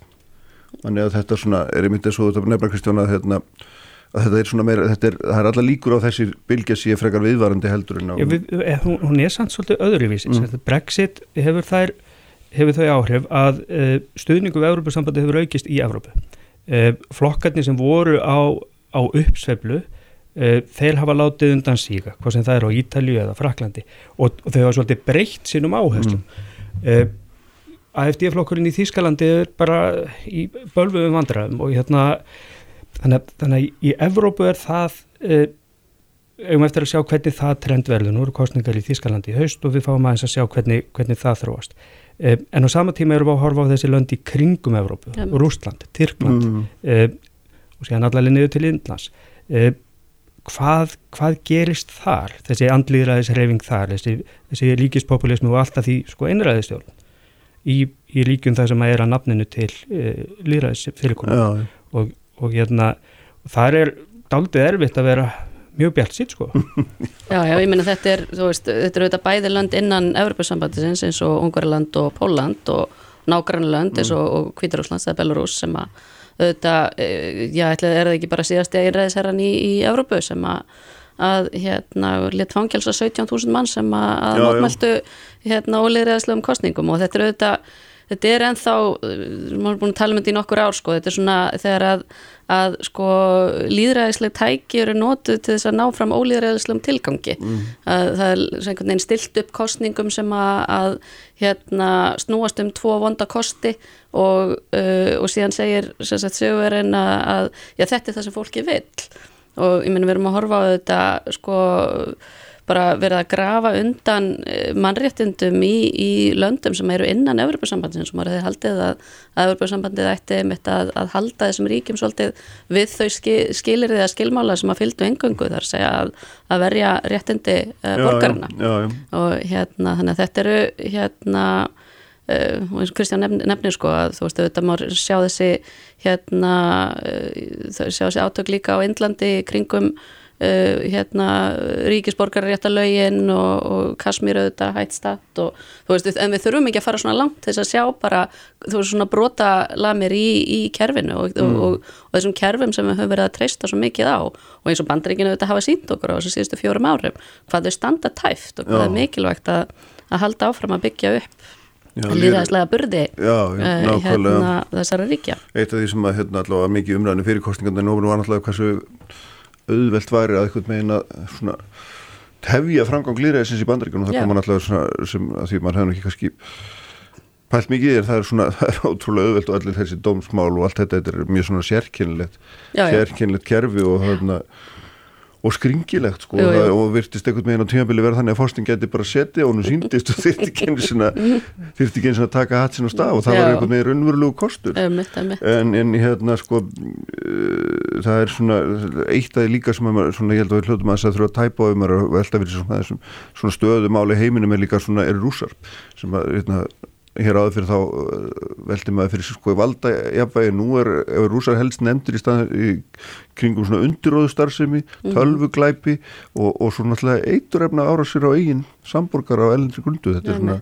haldið merkileg þróun. Já, það, það er nú með, með bestu bókun sem ég las þetta ári, hún fjallar akkurat um þetta, mm. veitir Putins People og hérna fyrir allt áhuga fólk um, um, um Rúsland og um mm. þess, þess áttar eh, politík þá er, hérna, þá mæl ég nú með henni en, en, en það sem að og, og við sáum núna bara alveg nýlega að, að, að það, er, það er komið fram viðukenning á því sem allir, allir vissu að það var, það var FSB sem að stóðað eituröfna tilræðinu og, og, og stóðað tilræðinu á, á, á, á Navalni sem hefur verið svona hérna, e, stjórnaranstæðingur inn í Rúslandi og, og það er mjög ég held að sé fullt tilöfni til að hafa áhyggjur af þessu líka vegna þess hvað, hvað sagt, þetta öðlendakerfi úr Rúslands hefur ennþá mikil áhrif á Európu það er ennþá verið að selja tölvörta gasi til Európu og, og Rúsland er náttúrulega stórveldi á svo margan hátt þó að efnahagslega hafi það látið hérna, undan síga á síðustu, síðustu árum áratugum. Eh, og, og, og þetta er það er sannarlega áhugjefni að eh, hvernig það er komið fyrir og það er eftir með Putin með ykkur skonar samning fyrir lífstíð mm. uh, og enga sínilega þróun í aðra átt nei, nei. Og, og eins og Silja bara nefnir uh, Kvítarúsland uh, sem að eiginlega sínir að það, að það er það er, það er fossendur fyrir því að, að fólk lýsi upp gegn þess háttar mm. einræði mm. Og, og það getur það getur mjög margt skolvið þegar, þegar það gerist Já. Já. og Rúslandu þetta líka er eitt af stærstu oljuframlegsluríkjum í heiminum og eitt af því sem, að, stóð upp úr í þetta ár er hrun og oljuverði og hérna, sem þetta hefur greiðilega mikil áhrif og, minn, og það var áhugavert að sjá hvernig sko því að Rúsland og Sáti Arabia hafa verið samstíga í því að stýra frambóð olju til þess að reyna að hafa áhrif á, á, á verð að þá stegur Rúsland út úr því núna.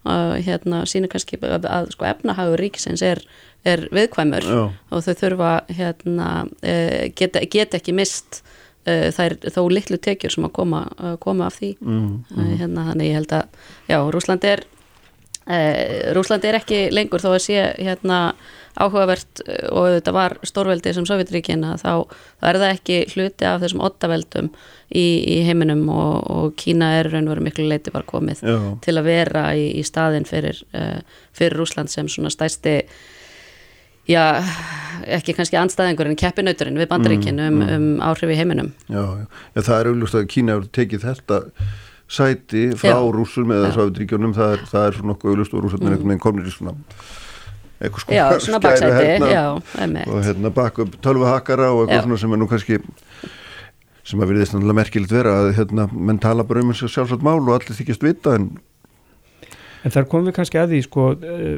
þegar við horfum á sko öðlindirnar mm. og öðlindahakkerfin og, og hérna oljöverðið og, og þess áttar og, og svo erum við með þessa stóru framöndan sem er, er hamfara hlínun og, og nöðsinn þess að á mhm. næstu tíu árum þá nái heimurinn einhverjum, ah, einhverjum raunmörlulegum skrefu þar. Þar verður Kína að stiga upp, Xi Jinping lýsir því yfir að, að að hámarki hérna, eh, jarðarnæðnitist notkunnar og útblástus verði náð hérna, fyrir árið 2030 og að þeir verði kólefnislutlusi 2060, þetta er svolítið langt fram í tíman En, en er það þá að reysa kólaversmiður? Alveg á fullu.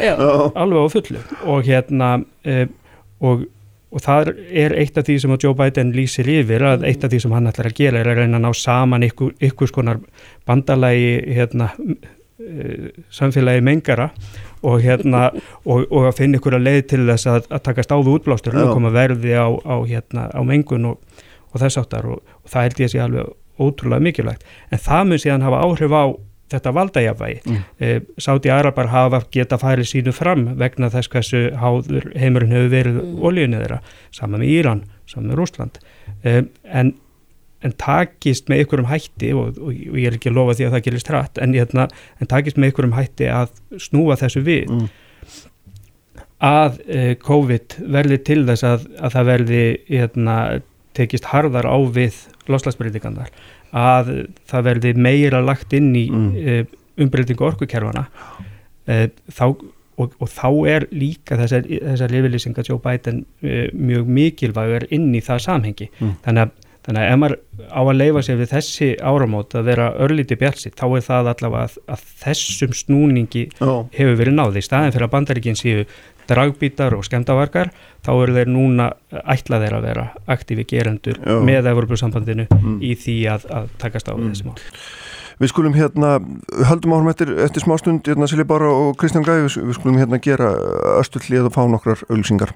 Sælir aftur hlustundur, við erum hérna á loka, loka sprettinum að þessum síðasta sprengisantætti á þessu herrans árið 2020, þau eru hjá með Silja Bára Ómarsdóttir og Kristján Guy Burgess. Eitt af því sem hefur verið að velta fyrir mér í morgun náttúrulega, sem maður hefur verið að velta fyrir sér alltaf áður er hvort að þessi COVID-bylgja og, og svona þessi, hvað maður að segja, þessi pása sem að hafkeri heimsins fór í og hvort hún skipta einhverjum hvort hún muni hafa einhverju áhrif á okkur, hvort hún muni breyta einhverju eða hvort að hérna, við munum síðan bara hraða okkur öll út í í samanfari aftur og það er svona mjög skipta skoðanir, maður getur fundið hérna, mikla spámenn sem segja að þetta sé árið þar sem að hérna, hugafar okkar gjör breytist og svo líka spámenn sem segja að það verði ekkit öðruvísi. Hvað, hvað teljið þið?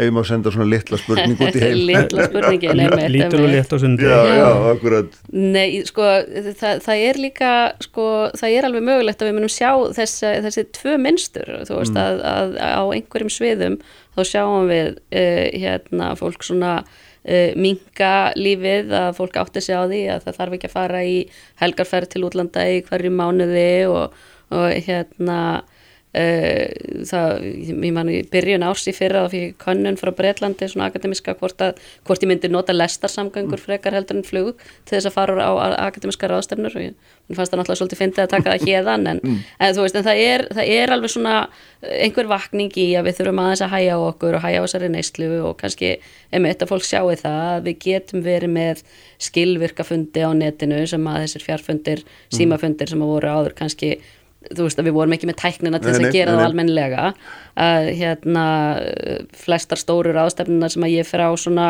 reglulega árlega jafnvel eða annarkvært ár að hérna það er verða rafrænar á næsta ári vegna þess að fólk er ekki tilbúið að treysta því að, að hérna að, að bólefni verði komið í, í skrokkan á okkur nógu mörgum. Mm. hérna, þannig að, að einhverju leiti þá svona jú, bökkum við kannski hættum að, að fara í alla, öll þessi ferðalög og, og þarfumdugötunum um, en síðan getur líka vel verið að, eða þú veist og svo, svo getur verið við hliðin á því að þá aukist neysla á öðrum hlutum ah, já, sem að kalla síðan á, á hérna, meiri mengun og, mm -hmm. og, og meira hérna, já, vestnandi ástand í heiminum. Þannig að þetta getur alveg tvent verið bara eins og hérna eins og þú veist við vorum með samhliða minnstur á tíund áratu síðustuhaldar mm. þar sem að, að hérna, fullvaldar ríki voru að, að liðast í sundur á sama tíma og þau voru að þjappa sér saman inn í, inn í hérna, fjölþjóðlegar uh, stofnanir eða samtöku á borðu Eurósambandi þannig að veist þetta getur alveg getur bæði átt sér stað á sama tíma sko. mm -hmm. það, sem, það sem ég held að, að, hérna, að skipta um miklu máli er að stjórnvöld uh, þegar þau sjá fram á þessa uh, þetta högg sem að mm. COVID-19 er uh, það sem að samfélagin lokast, viðskipti stoppa uh, og, og, og það er allt í einu þarf að gera alls konar hluti sem alltaf höfðu verið óhugsandi mm.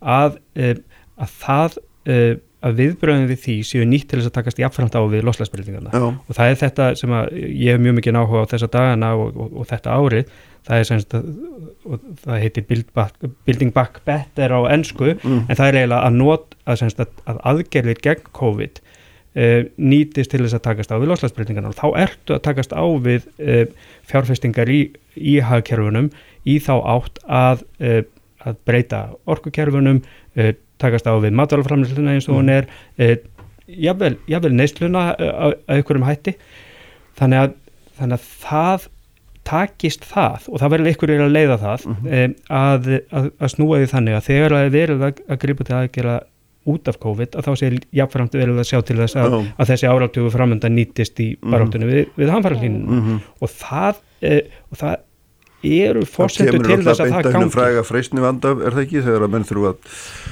spýti í lóan og láta, og, hérna, láta hakkeri vaksa þá þannig Jú og mest af aðgerðunum eru þannig mm. mest af aðgerðunum eru þannig að það sé verið að taka eins stutt skref uh, að, uh, að því að reysa efnahagskerfin við en en, eh, en takist að ná þessu hugafæri inn í, í stjórnkernin eh, það er nokkuð sem að Európa-sambandi hefur tekið inn hjá sér, það er nokkuð sem að Joe Biden er að mm. tala um hjá sér um, og, og ég er ekki með nokkur um hætti að halda þið fram að þetta sé létt og það verða alls konar hindranir þarna í veginum mm. og, og það að Kína sem er ennþá að, að, að, hérna, að dæla út kólaorkuverum en á sama tíma er hvergi meiri bygging af, af solarorkuverum og vindorkuverum en þar. Uh -huh. eh, hvernig mun þessi breyting verða það er ekki gott að segja, en, en, en ykkur stað verður stefnumbreytingin að verða. Samlega þessu líka þetta þá, hérna minna, við töluðum með um þetta þegar að sko efnaðsfröðinni var hérna 2008 að þú veist, heyrðu, þetta væri tækifæri til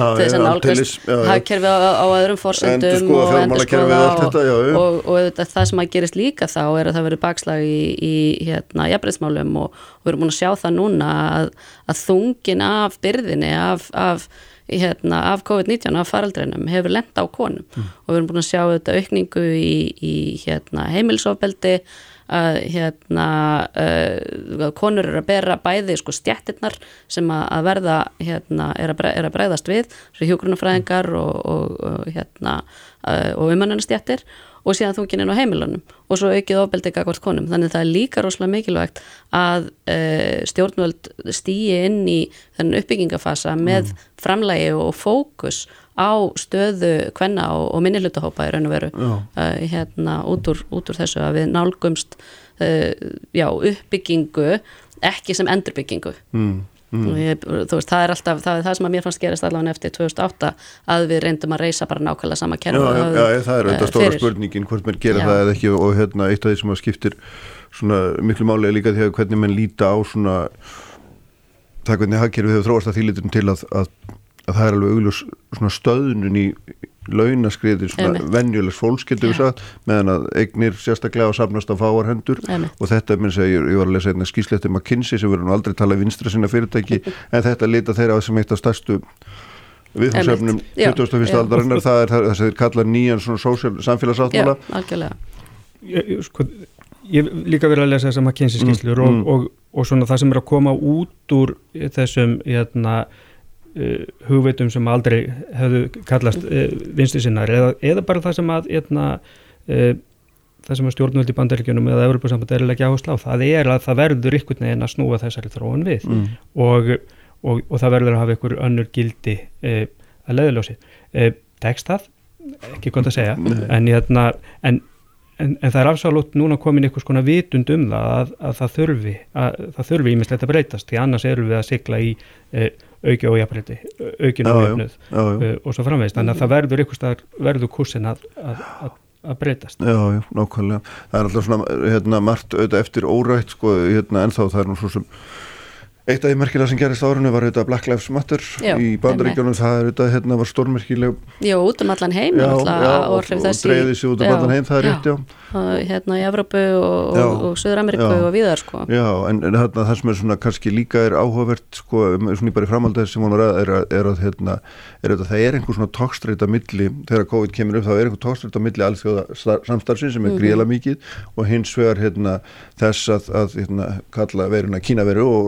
loka sig inni og segja við getum rættast okkur sjálf en hérna, aðri verði að vera úti. Já, já, lokun landamæra þetta, hérna, svona þetta, þetta viðbragð sem er að, að loka á samstarf mm. og, og hérna COVID þjóðurnisegja er mikið rætt í, í alþjóðara stjórnmálum þessa dagana að hérna, þetta sé þetta viðbrað við að, að við þurfum að hugsa um okkur fyrst og hérna sem ég held að hafa verið skynsalegt hjá íslensku stjórnvöldum er að, að taka þátt í eurósku samstarfi frekar heldur en að fara í það sem er mjög oft viðbrað hjá Íslandingum er að telja að, að tvíhliða samningar skilið en betri mm. árangri heldur en fjölhliða hérna, þannig að, að en, en á mótið þá sáum við þetta frá bandaríkjunum til dæmis tilurinu til þess að kaupa upp byrðir að tryggja að, að þau eruðu fyrst. Og þá og veru vantar þess að hugsun að sko þó ef að bandaríkjun eru búin að ná sko hjarðónæmi en aðrir eru það ekki þá það er fólk ekki að, að ferðast og þú veist það opnar ekki á já, það opnar ekki á flæði á milli hérna, milli heimsluta eða milli landa.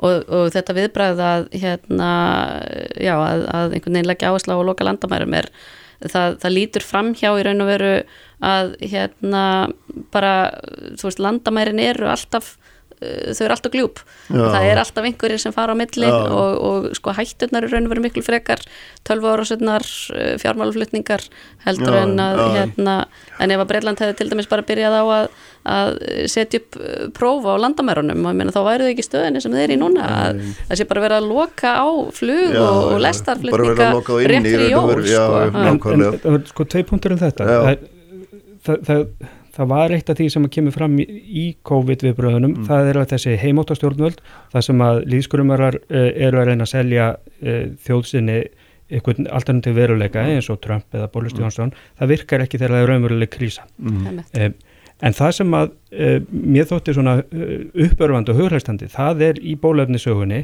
það er hvernig eru þessi bólefni til. -hmm. Það, það er vissulega kemur, jæna, hérna, fyrsta vittnesken kemur frá Kína en en svo er það, það er opna samfélagi sem að býr til fórsenduna til þess að það sé hægt að, að, að, að þróa þessi bólefni, mm. opið samfélag, jöfn tækifæri og gott metakerfi. Oh. Þannig að hjónin sem að þróu BioNTech bólefnið í, í Þískalandi, tilneski innflytjendur sem að ná samstarfi við stórfyrirtæki Pfizer.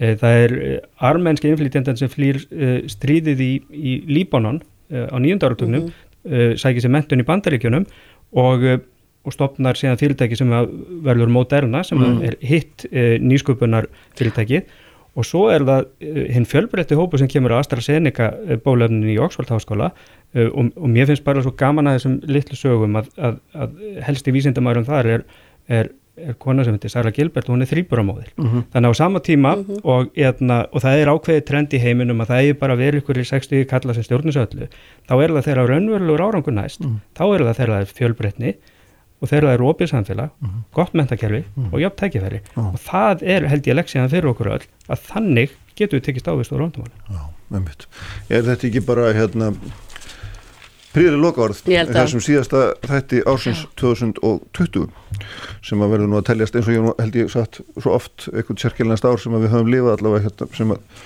munum þau nokkur tilbaka en hérna þakka ykkur báðum Kristján Gæ og, og Silja bara og við verum að láta sprengisöndirum lokið. Uh, ég vona að þið hlustundur hafið haft bæði gagn og gaman af þessum 52 þáttum sem búið er að útvarpa á þessu skrítna ári. En svo ég endur takkið þannig einn eins og í 2020 og þið verðið með mér áfram uh, árunni 2021 ég óskekkur öllum árs og friðar og verðið með ykkur hér aftur eftir eftir viku nákvæmlega 3.